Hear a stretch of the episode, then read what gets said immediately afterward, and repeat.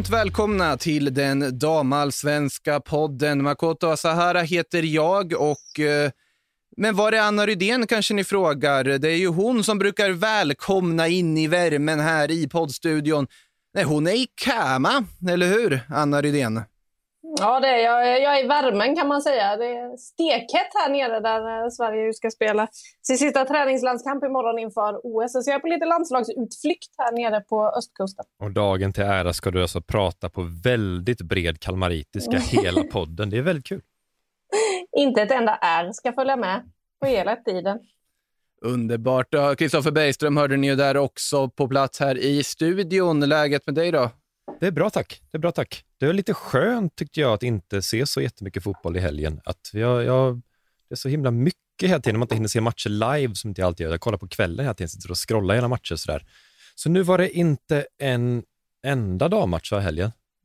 Jag trodde du skulle säga att det var himla skönt att inte du skulle, behövde se mig. Um, jag gillar ja, ju okay. alltså, professionellt att jobba med dig. så. Men, Men jag är bättre på länk. Yeah, ja, lite på avstånd så här. Jag trodde du menade så här, ja, skönt att det inte varit någon fotboll i det. har varit ett EM liksom börjat precis. Men det är helt rätt inställning ändå får jag säga. Ehm, det har ju inte varit några matcher som spelats sen vi spelade in senast. Jo, Sverige har ju spelat mot eh, Norge, 1-0-seger där i Kalmar på Guldfågeln Arena. Möter ju i inspelande stund då Australien imorgon i den sista matchen inför eh, Ja, OS-trupputtagningen. Vi kan väl börja där, Anna. Vad, vad, tycker du vi har fått för svar från Sverige här hittills på det här lägret? Eh, att Peter Gerhardsson gärna experimenterar lite för att se vilka spelare som kan eh, spela på flera positioner, vilket ju blir väldigt viktigt eh, i den här OS-truppen. Vi har pratat hur många gånger som helst om eh, hur liten OS-truppen är. Så att, eh, det såg man ju tydligt mot Norge, där till exempel Olivia Skog eh, fick eh, spela högerving när Sverige spelade trebackslinje. Något som Peter var inne på, ja, det har hon ju gjort förr i Eskilstuna. Ja, det var ju ett tag sedan Olivia Skog var på den positionen. Vi har ju sett henne glänsa som eh, vänsterytter i eh, Rosengårds anfall eh, under säsongen. Så eh, det var ju lite förvånande att se, samtidigt som då Hanna Glas fick vila lite. Hon är ju det givna första valet eh, som högerback i Gerhardssons landslag normalt sett. Men hon hade ju varit och firat en tysk ligaseger så hon fick lite välförtjänt vila där. Men det är väl det man har kunnat utläsa, hur han lite roterar, testar. Jag tror att eh, Johanna Rytting Kaneryd är en spelare som har, eh, kan ha tränat in och spelat in i den här OS-truppen under samlingen. För hon har testats på flera positioner och eh, vad det verkar så kan det ju vara som så att hon faktiskt kanske ska starta i anfallet då imorgon ute till höger. Så att, äh, det blir intressant att se det. Många av de damallsvenska spelarna framförallt som ju är de som ligger precis på gränsen till den här 18-mannatruppen. Så att, det är väl det man har sett så här långt eh, under samlingen i Kalmar. Intressant med Rytting Kaneryd. Det är en spelare som var jättebra på försäsongen som jag tyckte har varit lite av en besvikelse i år. Det är lite hårt kanske, men alltså hon har inte varit sådär OS-bra tycker inte jag i Allsvenskan. Så det var men nu verkar hon ändå vara på gång alltså, till, till truppen. Det känns ju så av det man har sett eh, av henne här nere och just hennes flexibilitet på olika positioner. För som du är inne på, eh, precis som eh, resten av Häcken inte riktigt hittade sin identitet där i början av serien så försvann ju också då Rytten Kaneryd lite. Men nu verkar hon vara tillbaka mer till det där positiva vi såg på försäsongen den otroliga farten hon har när hon löper på kanterna, det tror jag att eh, Peter uppskattar väldigt mycket av det han har sett hittills. Så att, ja, nej, jag, jag hade absolut inte med henne i min OS-trupp eh, senast jag skulle ta ut den, men eh, ja, nu så känns det som att eh, Rytting Kaneryd, framförallt på grund av sin mångsidighet, är en av dem som eh, kommer finnas med i 18-mannatruppen. Alltså om det är så att hon startar imorgon mot Australien, då känns det nästan givet. Om hon, gör, om hon inte gör bort sig helt då, i den rollen när hon byttes in också mot Norge. Där såg man lite indikationer på vilka spelare det är som Gerhardsson vill titta lite extra på. Angeldal fick ett ganska långt inhopp, Kaneryd som sagt också. Det känns ju som att hon har stärkt aktierna under det här lägret. Någon annan som har gjort det är ju Hanna Bennison som redan lämnat lägret dessutom.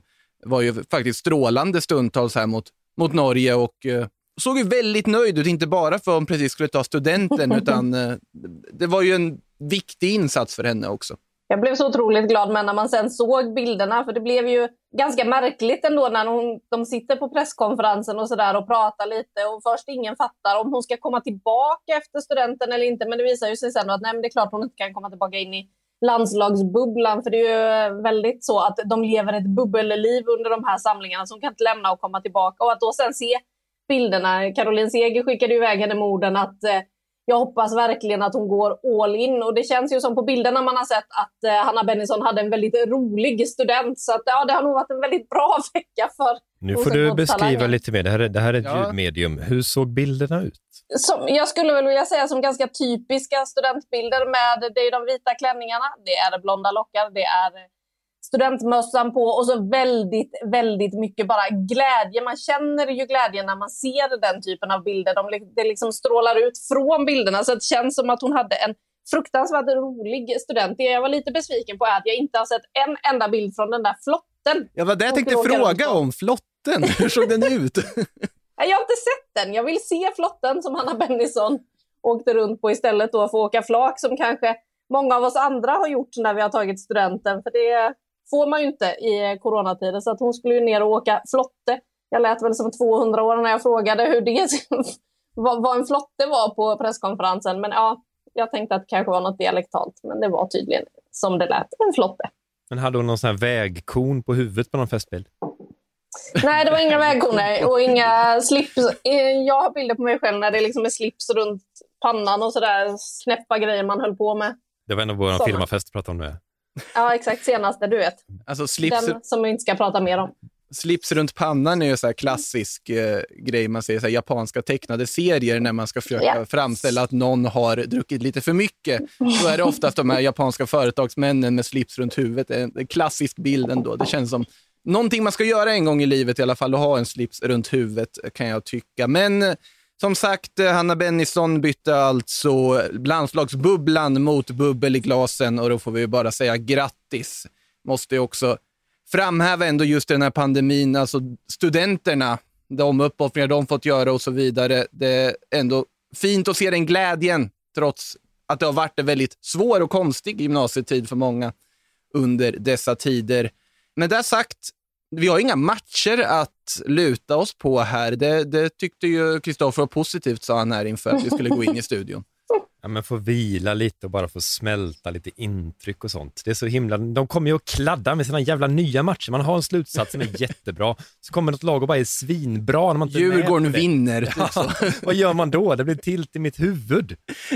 Men vad har du då, nu när du har fått uh, filosofera på din kammare i en vecka? Ja, men lite olika saker. Man vill ju dels prata om Jelena Cankovic förstås, som har förlängt med mm. Rosengård i fyra år. Det är en mycket mycket speciell kontraktsförlängning som vi liksom inte har gett så mycket utrymme man kanske inte kunde tänka sig skulle få. Alltså, alltså en spelare som är i rätt ålder, som kanske är en av seriens bästa spelare, som förstås har massa anbud ner från Europa, där man hör att det är där pengarna finns. Man bara väntade ju på att den övergången skulle vara klar någonstans, kanske till ett spanskt topplag till exempel. Och istället fyra år i Malmö, det är ju sensationellt verkligen. Hur reagerar ni på det? En otrolig fjäder i hatten för Sjögran. Jag var ju helt säker på att hon skulle lämna. Eh, blev väldigt förvånad när det kommer den här långa kontraktsförlängningen också med en sån stjärna. För vi har ju sett hur hon har briljerat under våren. Det var ju någon halvlek där, där hon liksom själv styrde allt spel. Så att, eh, jag blev otroligt förvånad när jag såg att hon hade förlängt och så länge. För jag trodde att det var en av de stora värvningarna från damallsvenskan som vi skulle få se den här sommaren det känns ju spontant som med tanke på de andra klubbar som sägs ha varit intresserade. Det har ju Sjögran själv sagt också, att storklubbar var intresserade. Sen definitionen av storklubb, den kan variera såklart, men i alla fall klubbar som på pappret är större än Rosengård, ligor som är större än Rosengård. Det är helt uppenbart med en spelare som Cankovic.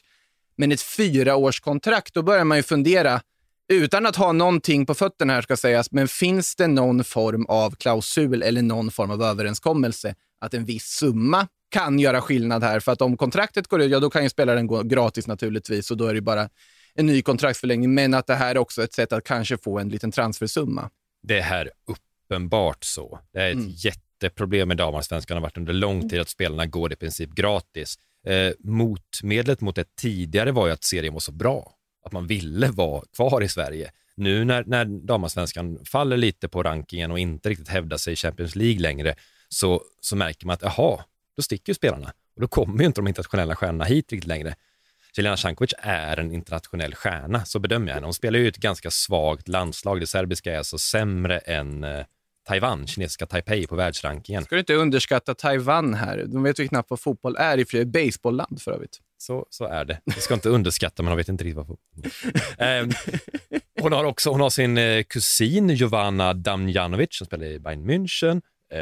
Hon kanske kunde gå dit, hade jag en tanke om bara en sån svag, svag koppling. Men det här är ju uppenbart en, en investering Rosengård gör. De gör ju inte den bara för att hon ska kunna spela i fyra år. Jag tror fortfarande inte att hon kommer stanna i fyra år. Hon är helt enkelt för bra för det. Jag är rätt övertygad om att man har vaskat fram rätt mycket pengar för att på något sätt kunna få igen ännu mer i slutändan. Kanske liknande som eh, ska säga, Peking på här sidan gjorde med Haksabanovic. Ja, precis, man lägger en jättesumma då får man igen en ännu större summa i framtiden. Och det är en ganska smart investering. Alltså det är väl en bättre investering än bitcoin just nu. Alltså det är något som verkligen rusar i värde just nu. Alltså damfotbollsspelare är något som bara blir mer och mer värdefullt.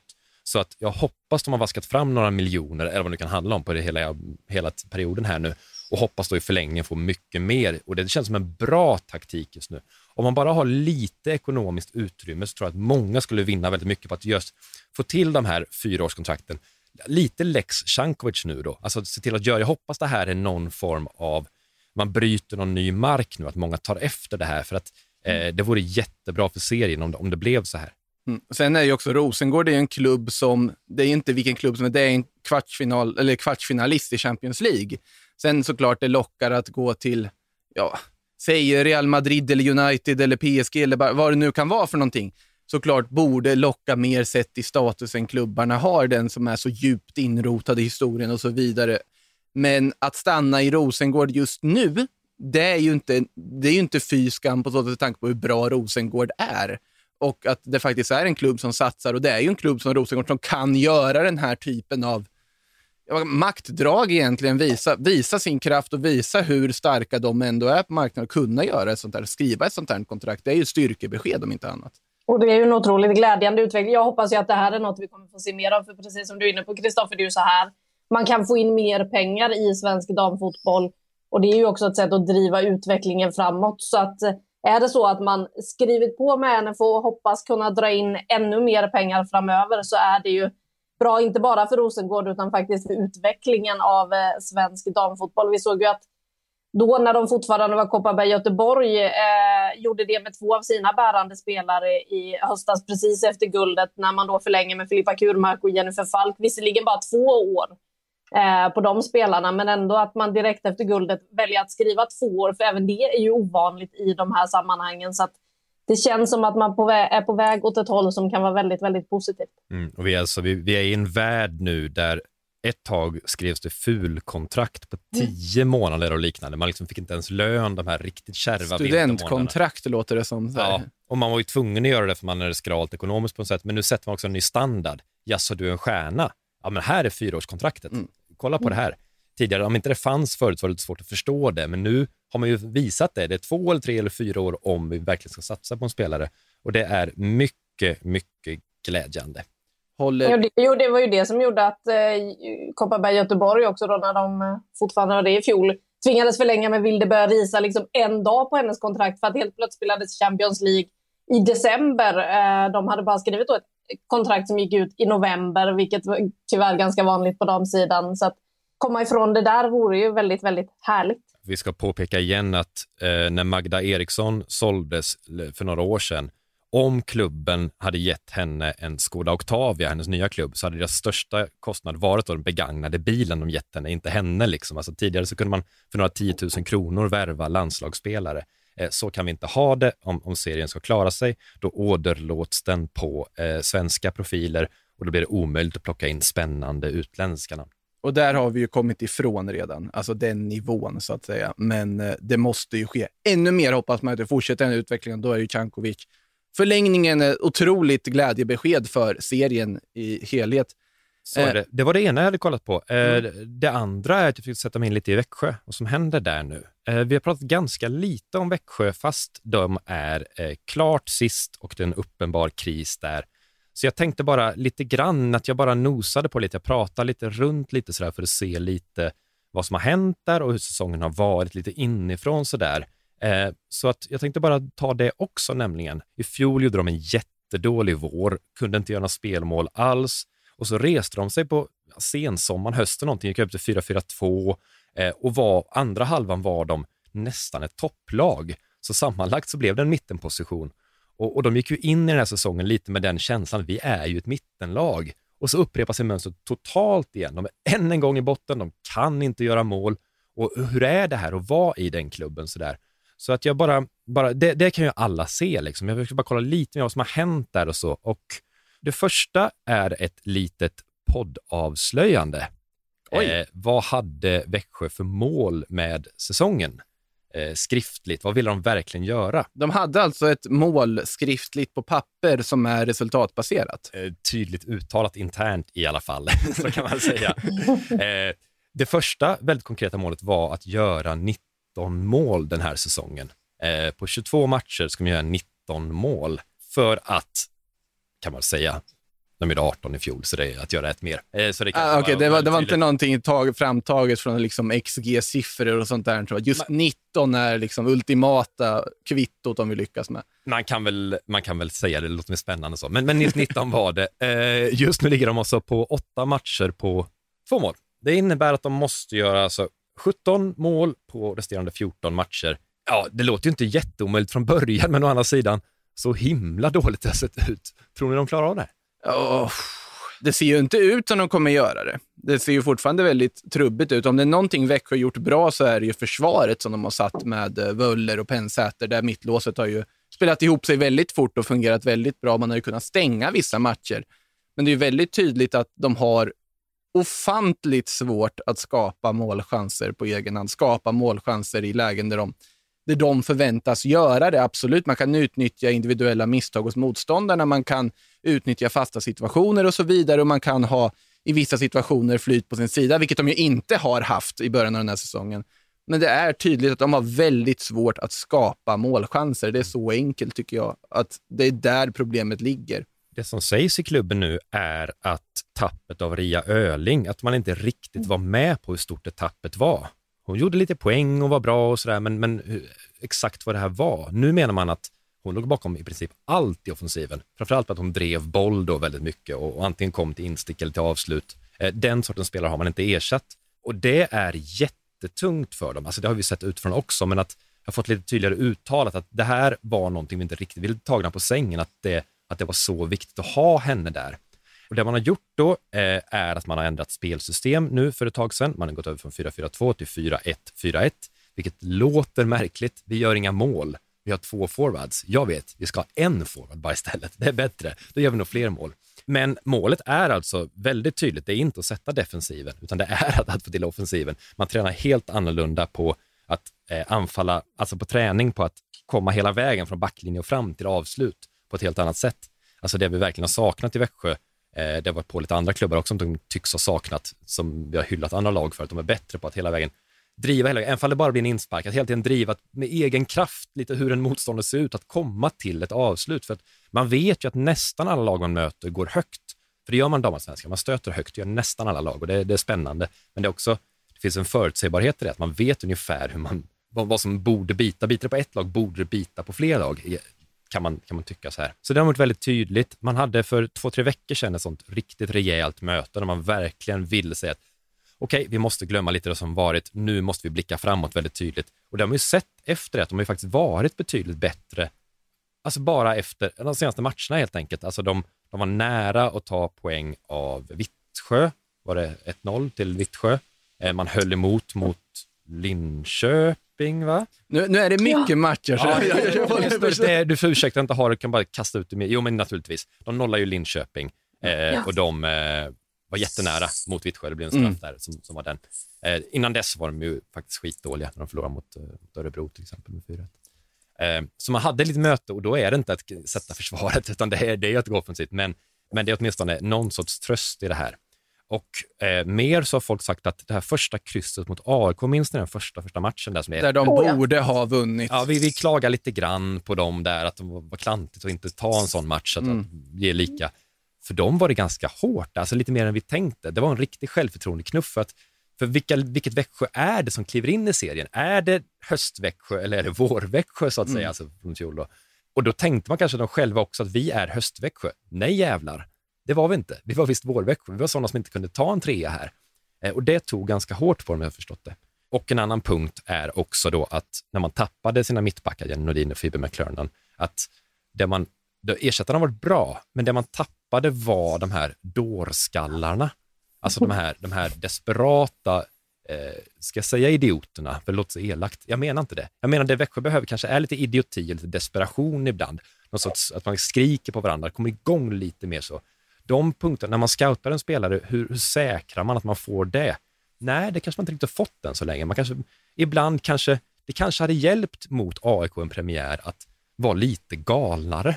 Att bara spela en trygg match och vara mycket bättre och mer bollinnehav. Ja, men då kan det skita sig, för så bra är alla lag i den här serien. Eh, en sak till också, de har tagit hjälp av en idrottspsykolog nu ska jag berätta också. De har jobbat lite, det är inte riktigt helt resultatbaserat som det sägs, inte bara för att de ligger sist, utan för att de måste stärka psyket. Vilka är vi? Vilken självbild har vi? Vad ska vi göra här då?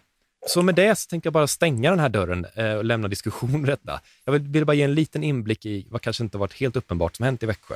Detta har hänt. Vad säger ni om det? Mycket intressant inblick, får jag säga. Och det ligger nog mycket i det där med eh, Ria Örling också, som du nämnde.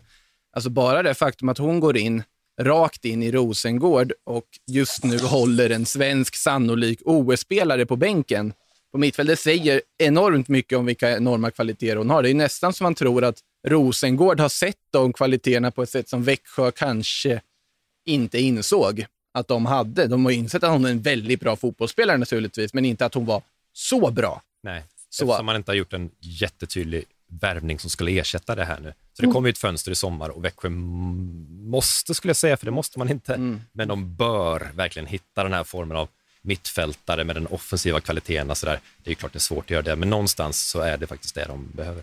Ja, jag tycker det är intressant också deras val eh, som de gör offensivt, för de har ju haft problem att hitta den som ska spela tillsammans med Signe Holt Andersen i det där 4-4-2 som de gick in i säsongen. Men de testade ju lite olika lösningar där. Bland annat satte upp Amanda Jonsson har och sådär och fick det inte riktigt att klaffa så att man därför har gått över till att liksom Signe Holt Andersen ska vara anfallaren i Växjö. Det tycker jag ändå är intressant. Nu gäller det ju bara att man hittar fram till att få lägena för eh, den danska anfallaren där i Växjö. Men eh, det känns ju som att eh, de jobbar lite på sin självbild nere i de småländska skogarna, eller på att säga, ända tills jag insåg att jag är i Småland. Ja, ja men precis. Absolut. Och nu kommer ju då en, en, en knippe, en trio matcher här där de kanske skulle behöva en fyra poäng i alla fall kan man väl säga. De möter Djurgården först, de möter Hammarby borta och de möter Eskilstuna hemma. Det är ju en trippel där de har poängchans i alla matcher. Eh, och nu får vi väl se. Alltså nollar de där och gör ett spelmål eller ett hörnmål bara eller någonting, ja men då behöver vi nog snacka att de är körda den här serien. Tror jag de åker ut. Det är lite krisvarning på det. Alltså just Djurgårdsmatchen nu blir ju enormt viktig. Hammarby-matchen såklart också, men sen också Eskilstuna som är där nere och nosar åtminstone och blickar neråt lite i tabellen om, om man ska uttrycka det milt. Då. Eh, det är jätteviktiga matcher som väntar, så att det gäller ju att verkligen få igång det. Och det är kanske passande uppehåll för dem att kunna jobba lite här i lugn och ro, försöka sätta vad vill vi, vad kan vi, vad är våra styrkor, vad ska vi kämpa för liksom, och hur ska vi göra det? Mm. Jag tror att det kan vara ganska bra, bra tajmat uppehåll för dem på så sätt. Men det blir onekligen intressant att se vad som händer med dem tänkte, nu kommer jag hoppa tillbaka lite till Rosengård här. För att de ska ju tydligen ha värvat Kosovare Asllani och Sofia Jakobsson om man ska tro eh, Caroline Seger. Eh, nu får vi väl se om det stämmer, men i alla fall så vet vi att Kosovare Asllani och Sofia Jakobsson har klart med nya klubbar, mer eller mindre. så inte... även Fridolina Rolfö? Stämmer. De har allihopa sagt att ja, men det är väl i princip klart. Men vi väntar med att avslöja det. Och det här tycker jag är lite intressant. Jag vet inte riktigt vart exakt vi kommer med den här spaningen. Men att vi har några av de absolut mest tongivande spelarna i, Sver i svenska landslaget, flera av dem nu här, som alltså i ett intressant läge har alla gått ut och sagt att ja, det är ungefär klart, men och avvaktar. Varför avvaktar man? Det är lite där jag är nyfiken på. Varför avvaktar man i läget och varför gör alla det simultant samtidigt? Vad är era teorier? Inte en aning. Det är ganska ovanligt att folk ja, men, pratar så. Ja. Ja, alla gör det samtidigt. Då är man väl bara tyst och säger inga kommentarer. Alla har på något sätt ändå gått ut och varit ganska tydliga med att ja, men det är klart med någonting nytt, jag kan ta det lugnt, men ni får inte veta vad det är förrän om två veckor. Nej, och kanske ett underbetyg då till, till journalistkåren här, kanske både svenskt ja, och internationellt. Alltså. alltså det måste väl folk, om nu det är Turin som är nästa hemstad för Kosovare Asllani, så måste väl folk där kunna kunna avslöja. Det brukar läcka ut sånt där på något vis. Där. Och vi då? Varför jag försöker ta reda på det, jag har inte hittat den. Alltså jag, jag försöker dra i mina trådar, men jag, jag är inte hundra alltså. Det sista jag skrev, vi skrev, var att eh, Kostas agent var och förhandlade med Juventus på plats i Juventus. Efter det så har jag inga fler uppgifter. Jag utgår från att någon skarpare hjärna än jag hittar det här snart, men jag, jag vet faktiskt inte. Nej, men den här, liksom, och den uppgiften det tyder ju på att ja, men såklart det borde vara Juventus, men vi vet ju faktiskt inte om det är Juventus eller inte, så det går inte att säga det heller. Nej. Men det, det, är underligt att spelarna så tydligt ändå visar att ja, men det, vi har någonting nytt klart och sen avvaktar med att presentera. Det känns som också någon sorts mönster som har dykt upp här också. Jag vet, jag pratade med eh, Linda Sällström nyligen, gamla Vittsjöanfallaren. För hon ska ju lämna Paris här nu och eh, då var det lite snack om allt möjligt. Hon sa också, jag har klart med något nytt, men det kommer först om två veckor. Det är intressant, för vanligtvis kan man bara säga att nej, det, ja, vi får se vad som händer. Liksom.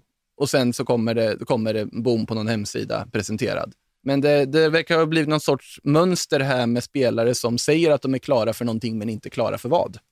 Jag pratade ju med Fridolina Rolfö igår i och med att vi hade på Sportbladet så hade vi en chatt där alla tittare och läsare kunde ställa sina frågor till Fridolina Rolfö. Och det var ju många som undrade om just var kommer du spela nästa säsong? För hon var ju ute tidigt eh, i våras och sa att eh, det här blir sista säsongen i Wolfsburg. Jag kommer lämna. Hon har tidigare sagt att hon är klar med den tyska ligan. Hon ska vidare där. Efter det så har det det har ryktats om Barcelona som ju är regerande Champions League-mästare. Det har ryktats om Lyon, eh, storklubben inom fotbollen och sådär. Men hon var ju väldigt tydlig så här, nej men jag har gjort klart. Eh, av respekt till klubben så kan jag inte säga vilken klubb det är än. Eh, jag kan säga att det är liksom en annan liga, eh, en ny liga som hon inte har spelat innan. Eh, det enda hon gick med på att liksom, säga att det inte var, det var att det inte är en comeback i Linköping redan nu, för det var många som ville ha tillbaka henne till Linköping. Eh, dit skulle hon inte än på några år möjligtvis, men i framtiden kanske hon kunde tänka sig en comeback. Men just det där att de är så tydliga att allt är klart och så ska klubbarna sen kommunicera ut och att alla pratar om typ samma tidsspann är ju lite spännande. Varför ska alla klubbar gå ut med sina värvningar om en sådär två veckor? Det känns ju lite stökigt, men det är väl kanske kan det hänga ihop med den spanska säsongen? För de är ju inte färdiga än. Sofia Jakobsson försa väl kanske sig lite på presskonferensen när hon sa att hon har gjort klart.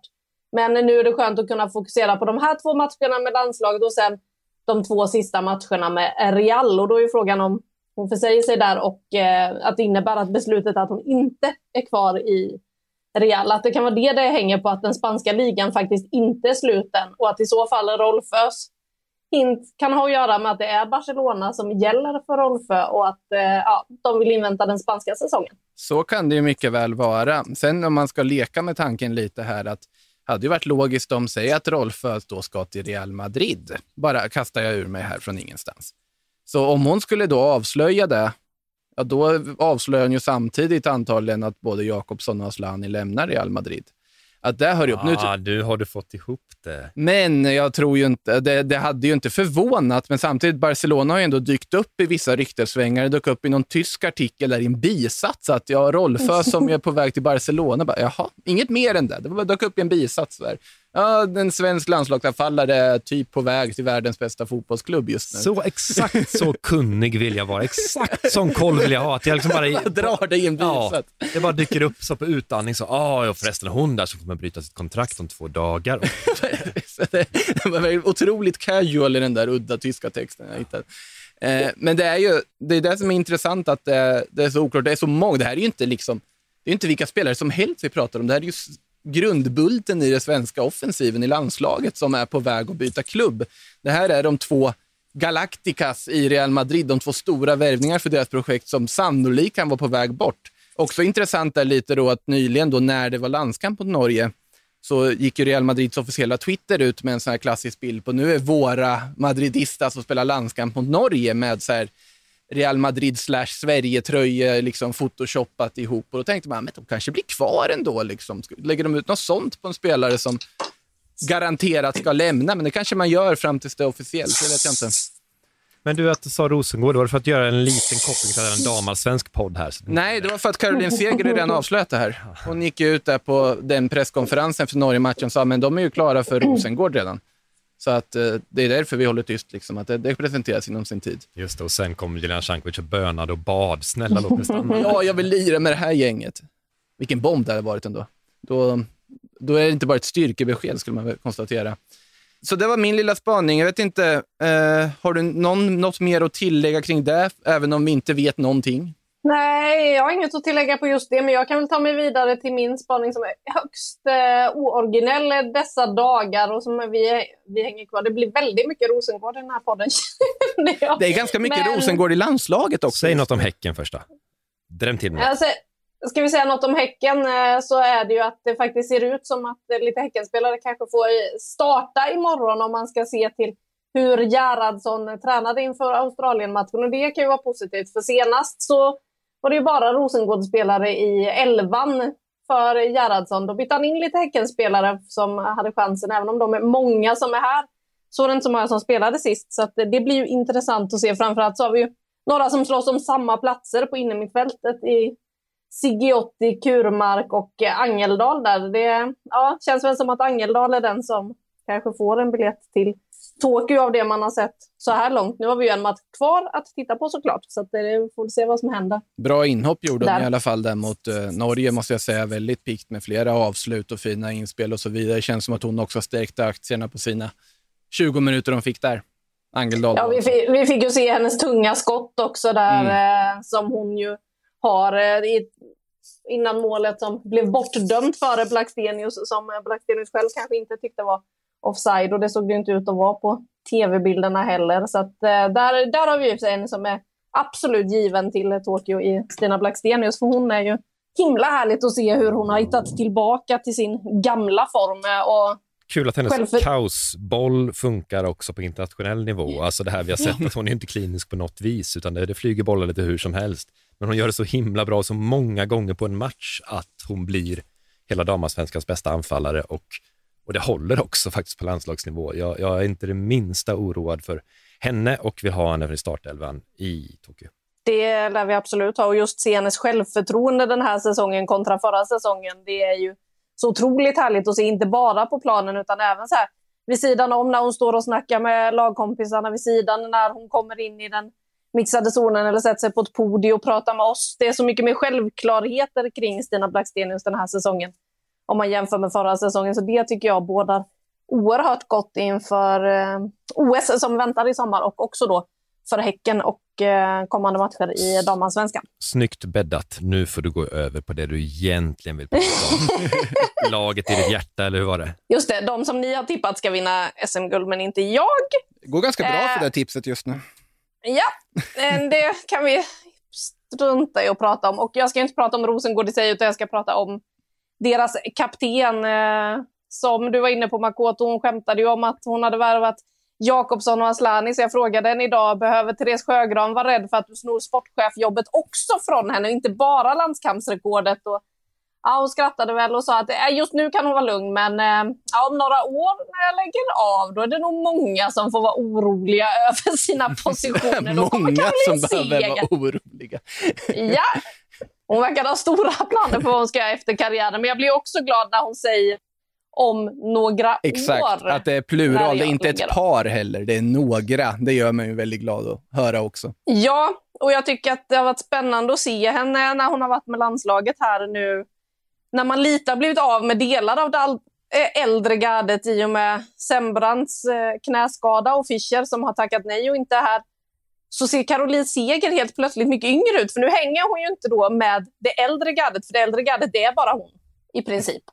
Eh, så att jag tycker att hon smälter in så himla bra. Man ser inte att hon är x antal år äldre än en del andra i det här laget. Om man jämför med bilderna som kablades ut från Båstad när herrlandslaget var och värmde upp inför EM och man ser Sebastian Larsson och Andreas Granqvist göra armhävningar, även Mikael Lustig, men det äldre gardet i landslaget, så ser man ju åldern på dem ändå, tycker jag. Jag tycker inte man gör det på Caroline Seger Berätta på träningarna mer hur här. det syns på herrspelarna. Ja, men man kan ju gå, till och med jag känner att jag liksom gör en armhävning bättre och då är det illa, för armhävningar är inte min styrka. Men man ser det, det klassiska fusket också som man gör när man har varit med ett tag, att man, det ser ut lite som man gör det om man tittar på Holmen, tittar man noga. Så ja, nej, det är många som var inne och kommenterade där också att eh, jag hade nog varit bättre än Granqvist. Och i högerhanden håller han inte en Snickers. Nej, han gör verkligen inte det. Nej. Alltså, det, det känns ju som att de, det finns liksom olika nivåer på det. Man brukar säga att äldre erfarna mittbackar de kan alla trick i boken, liksom på plan, alla tjuvknep, alltihopa. När du kommer till en viss nivå, då kan du alla trick på träningsplanen också. Då vet du hur man gör armhävningar, fast inte gör dem på riktigt och kommer undan med det. Fast i och för sig, Granqvist kommer ju inte undan med det uppenbarligen här, men alla trick finns. Ja, och man kan ju se Caroline Seger ta till en del trick här också utifrån sin erfarenhet som när eh, tränarna säger att eh, ja, men spring och ställ er vid eh, stolparna för att det är dags för övning och så får du bara vara x antal. Och liksom man ser hur spelare kutar iväg för att vara först till en viss stolpe. Det spelar ju ingen roll vilken stolpe de startar vid. Caroline Seger går lugnt och stilla till den närmaste och ställer sig. Och så är hon redo och så har de andra sprungit av sig lite. Det känns som att hon verkligen tillhandahåller med sin energi och vet när hon ska göra löpningarna. Hon är så otroligt klok i allt hon gör, både på träning och på plan. Och nu blir hon ju också ensam om eh, att vara den som har spelat flest landskamper för Sverige när hon spelade sin 215 landskamp eh, mot Australien. Och det är ju otroligt imponerande. Alltså, det är en siffra som är svår att ta in. Hon gjorde alltså sin debut 2005, har gjort alla mästerskap sedan dess för Sverige. Alltså, Det är helt otroliga siffror. det sjuka är ju att man sitter och tänker att, alltså att de- det är sjukt att hon inte har slagit rekordet än. För att hon har ju varit med så länge. Hon har varit en sån självklar del av det här laget. Och Det är det som är så också imponerande. Det här är inte någon som man typ likt eh, Francesco Tottis sista säsong i Roma bara tar in på nåder för att det är kul och nostalgiskt. Det är en spelare som varje match, i varje situation visar att hon är otroligt viktig för det här laget fortfarande. En spelare som är bärande för det här laget. Det i sig är så enormt imponerande att kunna slå ett rekord för att du verkligen förtjänar att spela en match också. Förtjänar att spela varenda match som hon har gjort. Det i sig tycker jag är kanske det mest imponerande med det här rekordet. Verkligen, det är häftigt. Och det, hon tar alltså rekordet av Therese Sjögran, jag vet inte om vi sa det, men, men det kanske är välkänt nu. Det man ska säga, eh, varför slår spelare rekord i antal landskamper just nu? Det är lite en följd av att man spelar mycket mer landskamper nu än man gjorde förr, till exempel. Eh, om man kollar på gamla listor, till exempel Elisabeth Leidinge, som hade rekordet ett litet tag, tror jag. Hon har 112 landskamper, hon har hälften så många landskamper. Hon började 1974 och spelade 1995. Hon spelade 21 år i landslaget. Det har inte Seger. Seger har spelat 16 år och har dubbelt så många landskamper. Så, så vi ser någonting av det där. Alltså det säger inte för att förta eh, Caroline Segers prestation på något sätt där. Men de här rekorden kommer nog kunna slås ett tag till för att nu är man, nu har man pumpat upp det ungefär så mycket som man kan i antal landskamper. Det hade man inte på 80 och 90-talet. Det var lite annat då i, i hur många matcher eh, lagen spelade av, ja, av ekonomiska skäl kan vi väl säga i grunden. Så man ska ersätta någon som är borta och spelar och, och, och så vidare. Så, där. Så, att, så att det är superhäftigt och framförallt det som Makoto säger, det skälet att hon platsar och är en kugge på riktigt. Hon är inte med på här granen-kvot för att hon är men bra precis. att ha rutin och hon hon vet hur man peppar på en frukost eller så, utan hon är med för att hon, hon ska stå på planen. Hon ska inte vara på bänken i OS på något vis, utan hon är, hon är svinbra helt enkelt. Men, men siffrorna kommer bräckas ett tag till, tror jag. Unga spelare idag kommer hinna med ännu fler landskamper, tror jag. Också otroligt imponerande. Alltså att komma upp i den här mängden landskamper och ha den rollen i landslaget som man har. Det är ju faktiskt så att hennes motivation, hon var inne på det, sviktade lite efter VM i Kanada som ju blev ett bakslag för Sveriges del. Det var ju också då Therese Sjögran spelade sin 214 landskamp. Hon la ju av efter det där mästerskapet, vilket alla visste dessutom när de gick in i VM i Kanada. Det, Sverige spelade väl bara oavgjorda matcher. De fick kramp mot Nigeria hela laget efter att ha druckit rödbetsjuice. Och som eh, Caroline Seger var inne på, det var ett mästerskap på konstgräs. Eh, hon sa på eh, pressträffen idag, att det var ju helt fruktansvärt på alla sätt och vis, det där mästerskapet i Kanada och att man ändå då liksom hittar tillbaka in, får den positiva känslan. Det känns ju som att silvret i OS som de fick uppleva, det är faktiskt ett av mi, mi, mina mest, alltså, bästa mästerskapsminnen när Sverige möter Brasilien på Maracana. Det är väl, hur många var det på läktaren? 70 000 någonting, galna brasilianare som bara väntar på att få se sitt damlandslag, då anförd av Marta, får spela en OS-final på hemmaplan. Det blir straffläggning.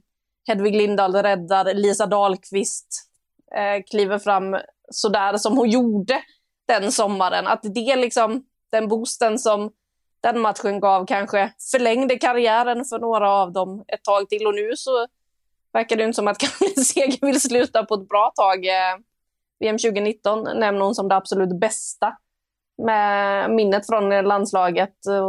Jag kan förstå det, för det var ju en fin mästerskapssommar för eh, det svenska landslaget med ett brons. Samtidigt som man ser damfotbollen explodera, publiken komma på ett sätt man inte har sett tidigare. Så att, ja, nej.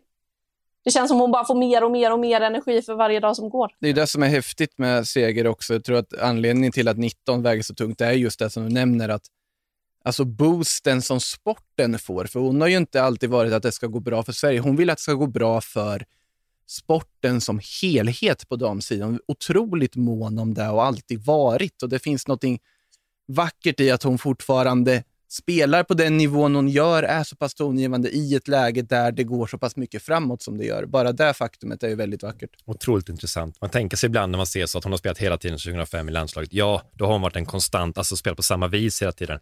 Ja, fast sporten har ju gjort en helomvändning. Tar du Sveriges landslag 2005 mot dagens landslag så skulle de bli totalt utspelade. Det är så det ska se ut, men det kommer verkligen se ut så. Det är ett helt annat landslag, ett helt annat tempo. Det här är spelare som är födda och ganska tidigt blev elitspelare, väldigt tidigt och satsat mycket mer rejält och haft mer hjälp alltså helt enkelt. Möjligheter att satsa på Ja, ja verkligen, verkligen. Och ändå så är det samma gamla tant Seger som står där på något sätt där och, och ser ut som ja, alltså helt, det går inte att vara utan henne i känns som just nu. Vi måste ha henne eh, och det, det är verkligen läckert. Jag minns 2009 var jag på EM i Finland. Eh, jag, var, jag höll på ganska länge med damfotboll och jag blir fan inte bättre på det. Jag håller på att rapportera om det. Jag får, så det, det är min styrka som reporter, att jag, jag är ihärdig men inte så bra.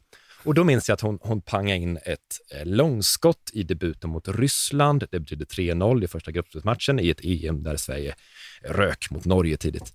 Eh, och det här hängde med mig, det här långskottet, att seger, ja det är hon som skjuter så himla bra. Det minns jag. Så inför 2011 VM så ville jag göra någon sorts, jag ville göra någon sorts superhjältar och göra någon sorts serietidningsestetik. Välja ut några spelare och berätta om deras superhjälteegenskaper.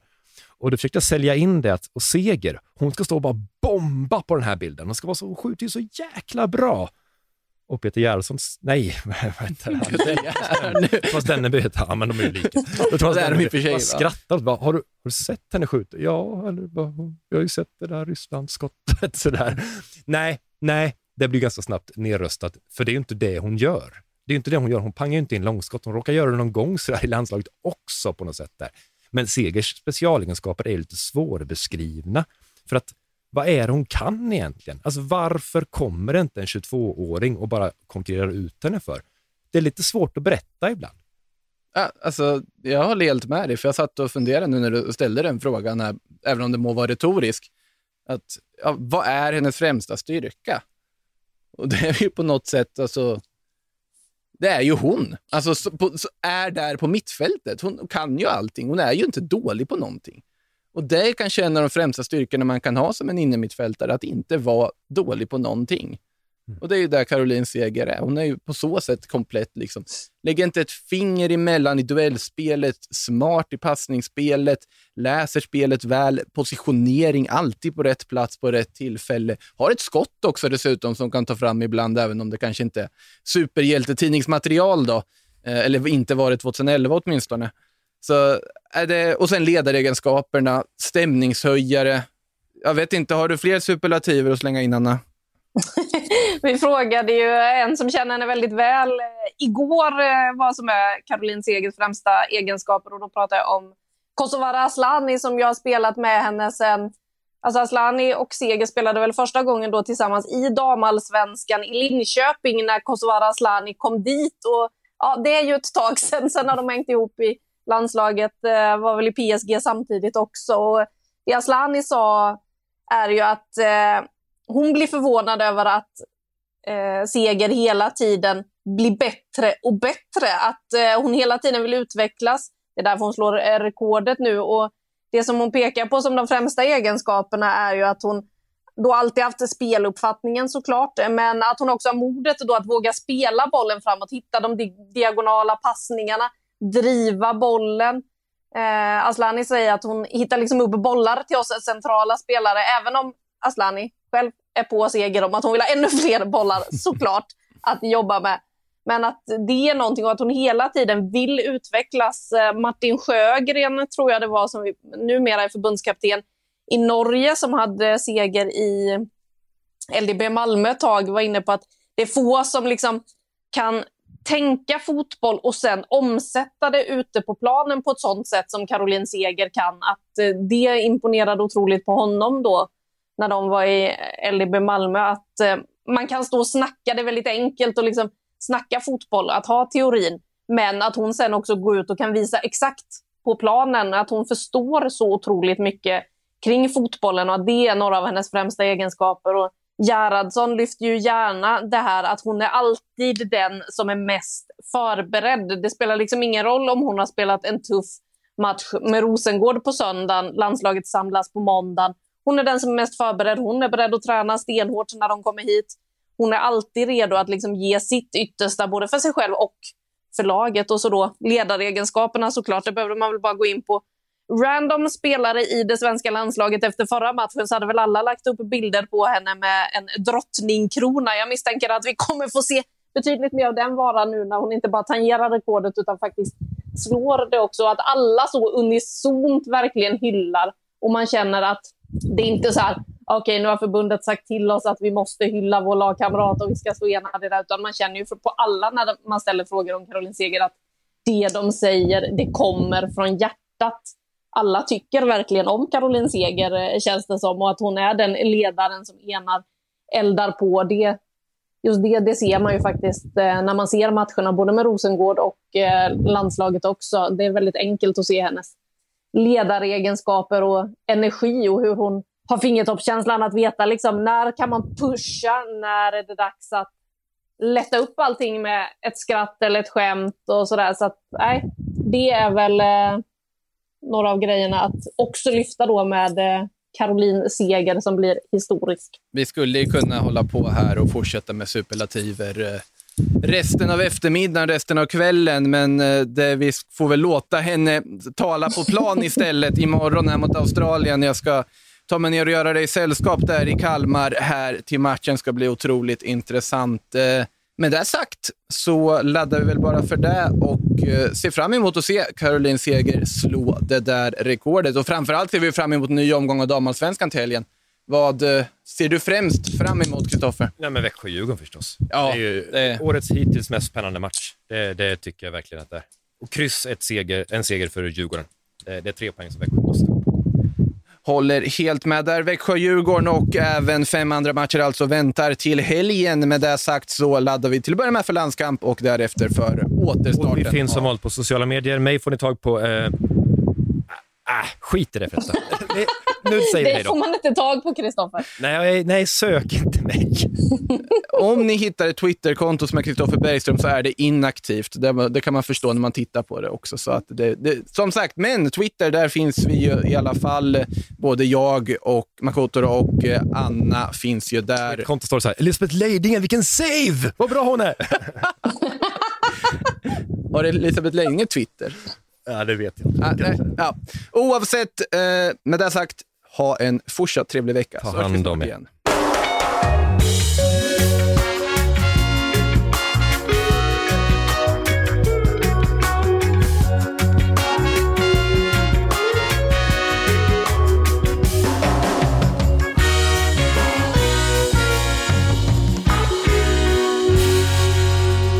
Du har lyssnat på en podcast från Aftonbladet. Ansvarig utgivare är Lena K Samuelsson.